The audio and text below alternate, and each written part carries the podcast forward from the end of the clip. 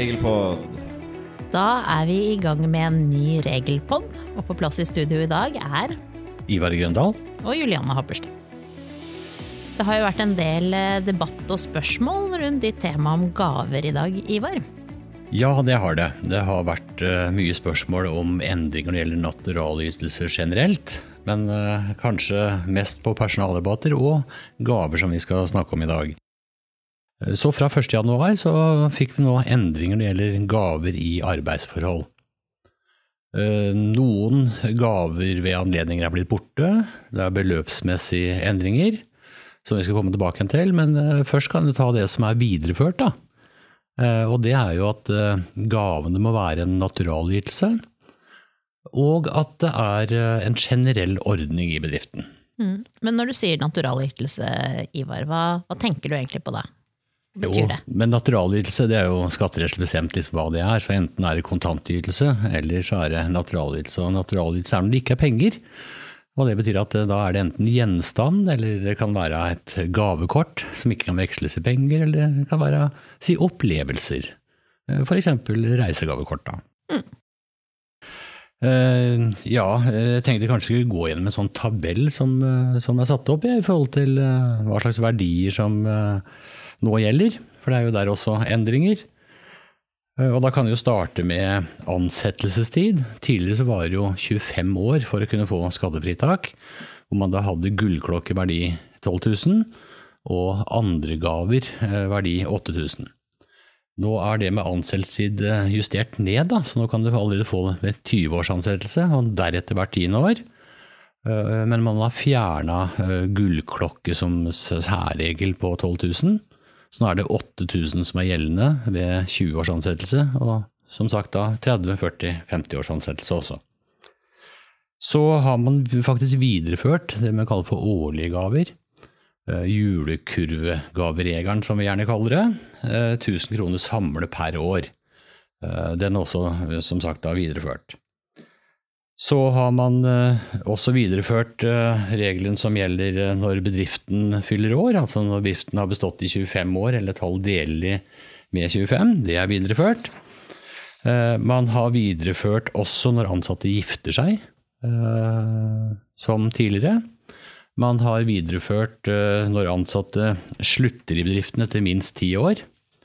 Man har også videreført når ansatte slutter i bedriftene fordi de går av med pensjon, altså blir pensjonister.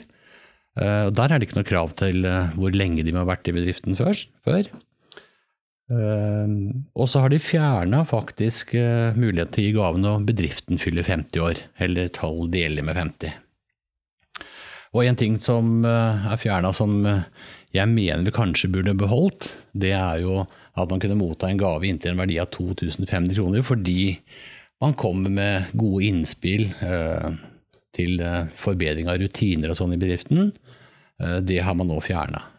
Og begrunnelsen for at man har fjerna det, er at i dagens situasjon så mener man at de ansatte bør ta del i bedriftens ve og vel, og at det er naturlig at de skal komme med sånne innspill uten at det skal være noen skattefrie gaver. Men nå snakker du om eh, gaver i arbeidsforhold, og da tenker vi jo umiddelbart på gaver som en arbeidsgiver gir til en arbeidstaker. Men jeg har skjønt at eh, disse endringene som gjelder gaver, at de har et mye større omfang enn det. Ja, det har det, og det er kanskje der de fleste har eh, i, Da hører dette her oppe til høring, Jeg hadde innspill på at det kanskje ikke var så smart å ta med verdien av gaver utenfor arbeidsforholdet, altså gaver fra kunder og leverandører. Eh, Men det ble noe sånn at den verdien eh, på gaver fra kunder og leverandører, det skal være med i de grensene som vi snakker om. Eh, Og de forskjellige anledningene man gifta seg osv., der var jo verdien 3000 tidligere. Nå er det 4000 kroner som er grensen. Altså skal opp til grensen er 4000 når man gifter seg, fyller 50 år osv. Men betyr det det du sier nå, at dersom jeg får, er så heldig da, at jeg er hos en kunde og gjør et oppdrag, og så får jeg en blomst, så skal jeg skatte av det? Ja, veldig hyggelig å få en blomst når du har vært hos en kunde. da. Det er jo det. Uh, Nå er det jo sånn at uh, her har man videreført, heldigvis da. Man sier jo det at uh, hvis du har fått en gave til en, altså en bagatellmessig verdi, så er det ikke opplysningspliktig og det er skattefritt. Og det inngår heller ikke de beløpsgrensene som, eh, som vi har snakka om. Så det holdes helt utenom. og gaver av bagatellmessig verdi, så skriver du i skatteavc at det gjelder f.eks. blomster, som du har fått, Julianne. Det kan være en konfekteske. Og de nevner også at en flaske rimelig vin også blir sett på som en bagatellmessig verdi. Ja, det var jo bra, Ivar, vil jeg si. Men eh, det hender jo at flere anledninger slår til samtidig. Så hva da hvis en ansatt eh, fyller 50 år og kanskje gifter seg i samme år? Hva gjør man da? Ja, si det. Det var et veldig godt spørsmål, Julianne. Uh, hvis den på toppen av det hele kanskje fyller, eller, uh, fyller vilkåret for uh, 20 års ansettelse, har vært ansatt 20 år samme år, så er det som du har tre forskjellige anledninger. Så lever dette her hver sine verdener, egentlig. Så 20 års ansettelse, så kunne du da fått en gave til en verdi av eh, inntil 8000 kroner. Eh, han fyller 50 år, da var jo verdigrensen 4000. Og gifter seg også 4000. Så totalt så er du da oppe i 16 000 i skattefrie gaver. Når alle de tre anledningene faller inn på ett år. Eh, det som da er viktig å ha med seg, som vi nevnte i stad, det er jo gaver gitt av forretningsforbindelser også. Så hvis vi tenker oss at arbeidsgiver har, eh, har gitt full pott da, på, på, forhold til ansettelsestid, uh, i forhold til uh, at vedkommende fyller 50 år, men når folk gifter seg, så gir bedriften kanskje bare 2000 kroner. Uh, og så har det en kunde eller en leverandør da, som har gitt en gave i forbindelse med at vedkommende gifta seg, la oss si til 4000 kroner, for han hørt at 4000 er den skattefrie grensen. Da er totalen på gaver i forbindelse med giftermålet 6000 kroner. Det er 2000 over grensen. Og det betyr at eh, de 6000 eh, kan man da ikke se på som skattefritt. Det er de 2000 over fire. Det er da skattepliktig, det er opplysningspliktig. Eh, og det skal da selvsagt trekkes forskuddstrekk av det. Ja. Det blir jo en økt kost for arbeidsgiver, det da? Ja, i høyeste grad. Her blir det også arbeidsgiveravgift på den fordelen i tillegg, selv om, om den gaven er gitt fra andre enn arbeidsgiver. Mm. Mm. Nå som det jo er endret fra 25 år, 25 år til 20 år for å få skattefri gave, hva med de som på en måte har 25 år nå i 2019? Noen bedrifter har jo denne 25-årsregelen og har hatt det i mange år, og de har kanskje ikke rukket å endre ordningene sine ennå, da. Hvordan skal de håndtere det? Har du noen tanker rundt det? Ja, du Julianne, det er et uh, godt spørsmål. Vi har allerede hatt eh, mange spørsmål fra kunder akkurat på det. Eh, når det gis gaver f.eks. For, for 25 års ansettelse nå i 2019, da, så kan du bruke 20-årsregelen og gi en gave til en verdi av eh, inntil 8000 kroner. Så lenge det ikke er gitt en gave for 20 års ansettelse tidligere. Neste gave da, det er jo etter 30 års ansettelse. Eh, det vil si om fem år så kan du få en ny gave til en verdi av 8000. Vi har vært litt inne på at dette er eh, økte kostnader for eh, arbeidsgiver, og kanskje til dels også økt administrasjon. Ehm, det gjør jo at vi får mye spørsmål hos oss om hva arbeidsgiver skal gjøre med dette. Du, hva pleier du å si til kundene da, Ivar? Ja, det har vi fått en del spørsmål om. Eh, og da er vi kanskje mer inne på si, det arbeidsrettslige her. Eh, vi tenker jo spesielt et forhold med eh, hva de ansatte kan ha lov til å, å motta. Det er nok litt annerledes nå enn det var tidligere. Fordi det har kanskje blitt mer snakk om det med smøring og korrupsjon og sånn i det siste. Så at arbeidsgiver da kanskje burde ha, uh, i personalhåndboka kanskje, lagt noen begrensninger i forhold til hva ansatte har lov til å ta imot i gaver. Jeg vet ikke om dere har vært inne på det temaet i deres avdeling? Jo, jeg tenker jo at ut fra en, en, altså hva arbeidsgiver kan bestemme da, i kraft av sin styringsrett, så er det jo helt klart at arbeidsgiver kan bestemme at ansatte ikke skal motta gaver i kraft av sitt arbeidsforhold.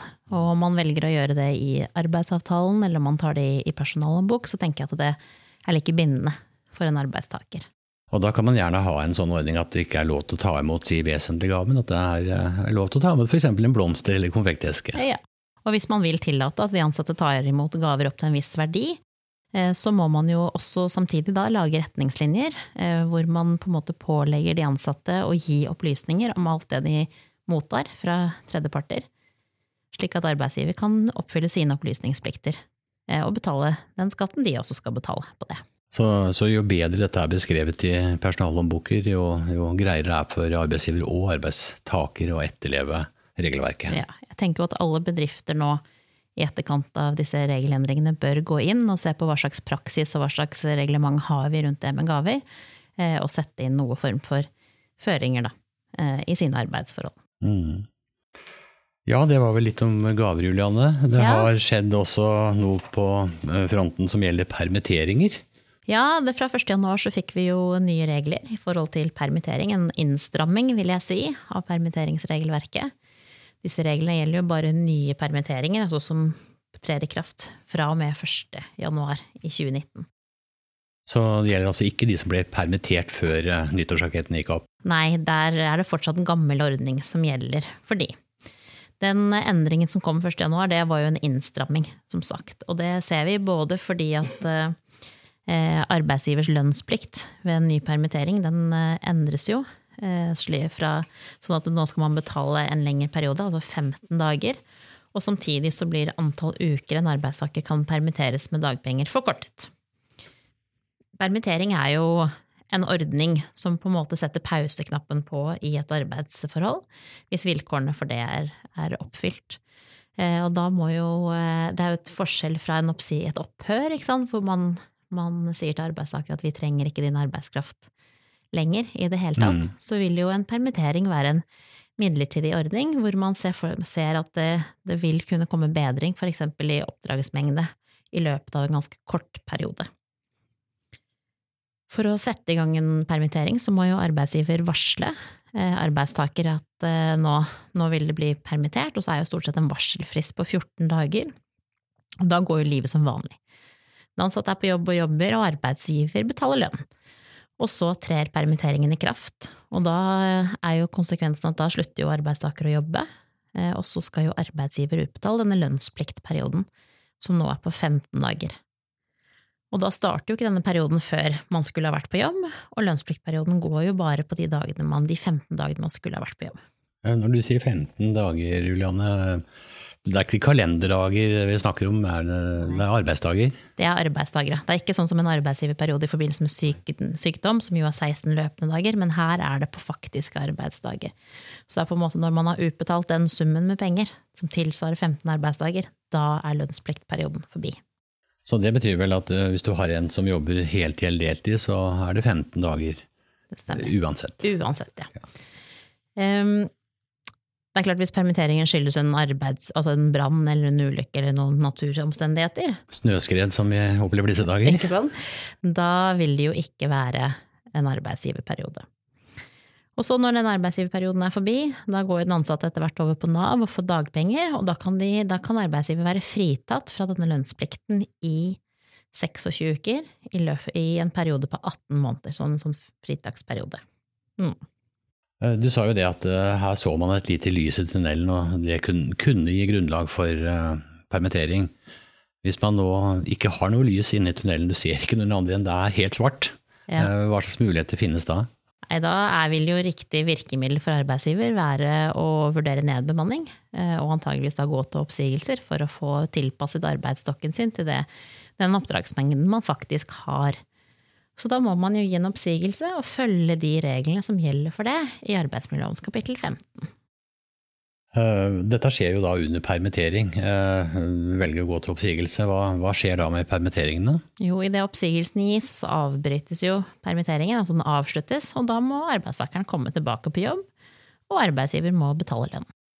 Eh, Ja, betale lønn, ja. Hvor, hvor lenge må man betale lønn da, når det er gitt en oppsigelse? Mm. Da må man gi, betale lønn ut oppsigelsestiden, og den finner vi jo enten i arbeidsavtalen eller i arbeidsmiljølovens kapittel 15. Eh,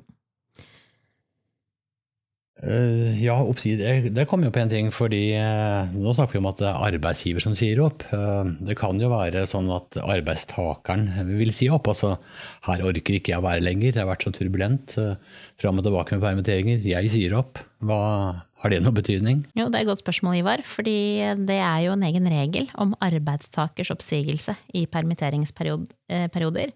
Da finner vi i paragraf 15-9 i arbeidsmiljøloven. Og Der står det at en arbeidstaker som er permittert uten lønn, kan si opp med en frist på 14 dager, uansett hva slags oppsigelsesfrist som følger av loven eller av avtalen.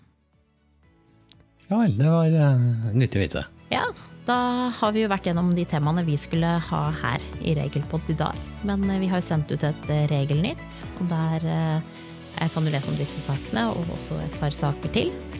Eh, Det er også mulig å lese sakene, artiklene våre på vår side på Visma Community under fanen lønn og HR. Hvis du ikke bare vil lese, så har du mulighet til, Ivar. Ja, eh, vi har jo en del kurs på området.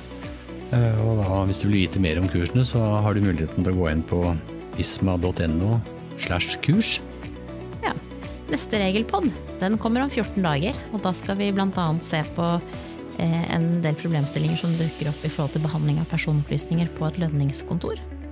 Ah, er det sånn eh, fem eh, stilte spørsmål? Ja, Vi får se om vi får til fem ting å tenke på det. Genialt, det gleder jeg meg til. Yes, Da er det bare for oss å takke for oss. Takk for oss.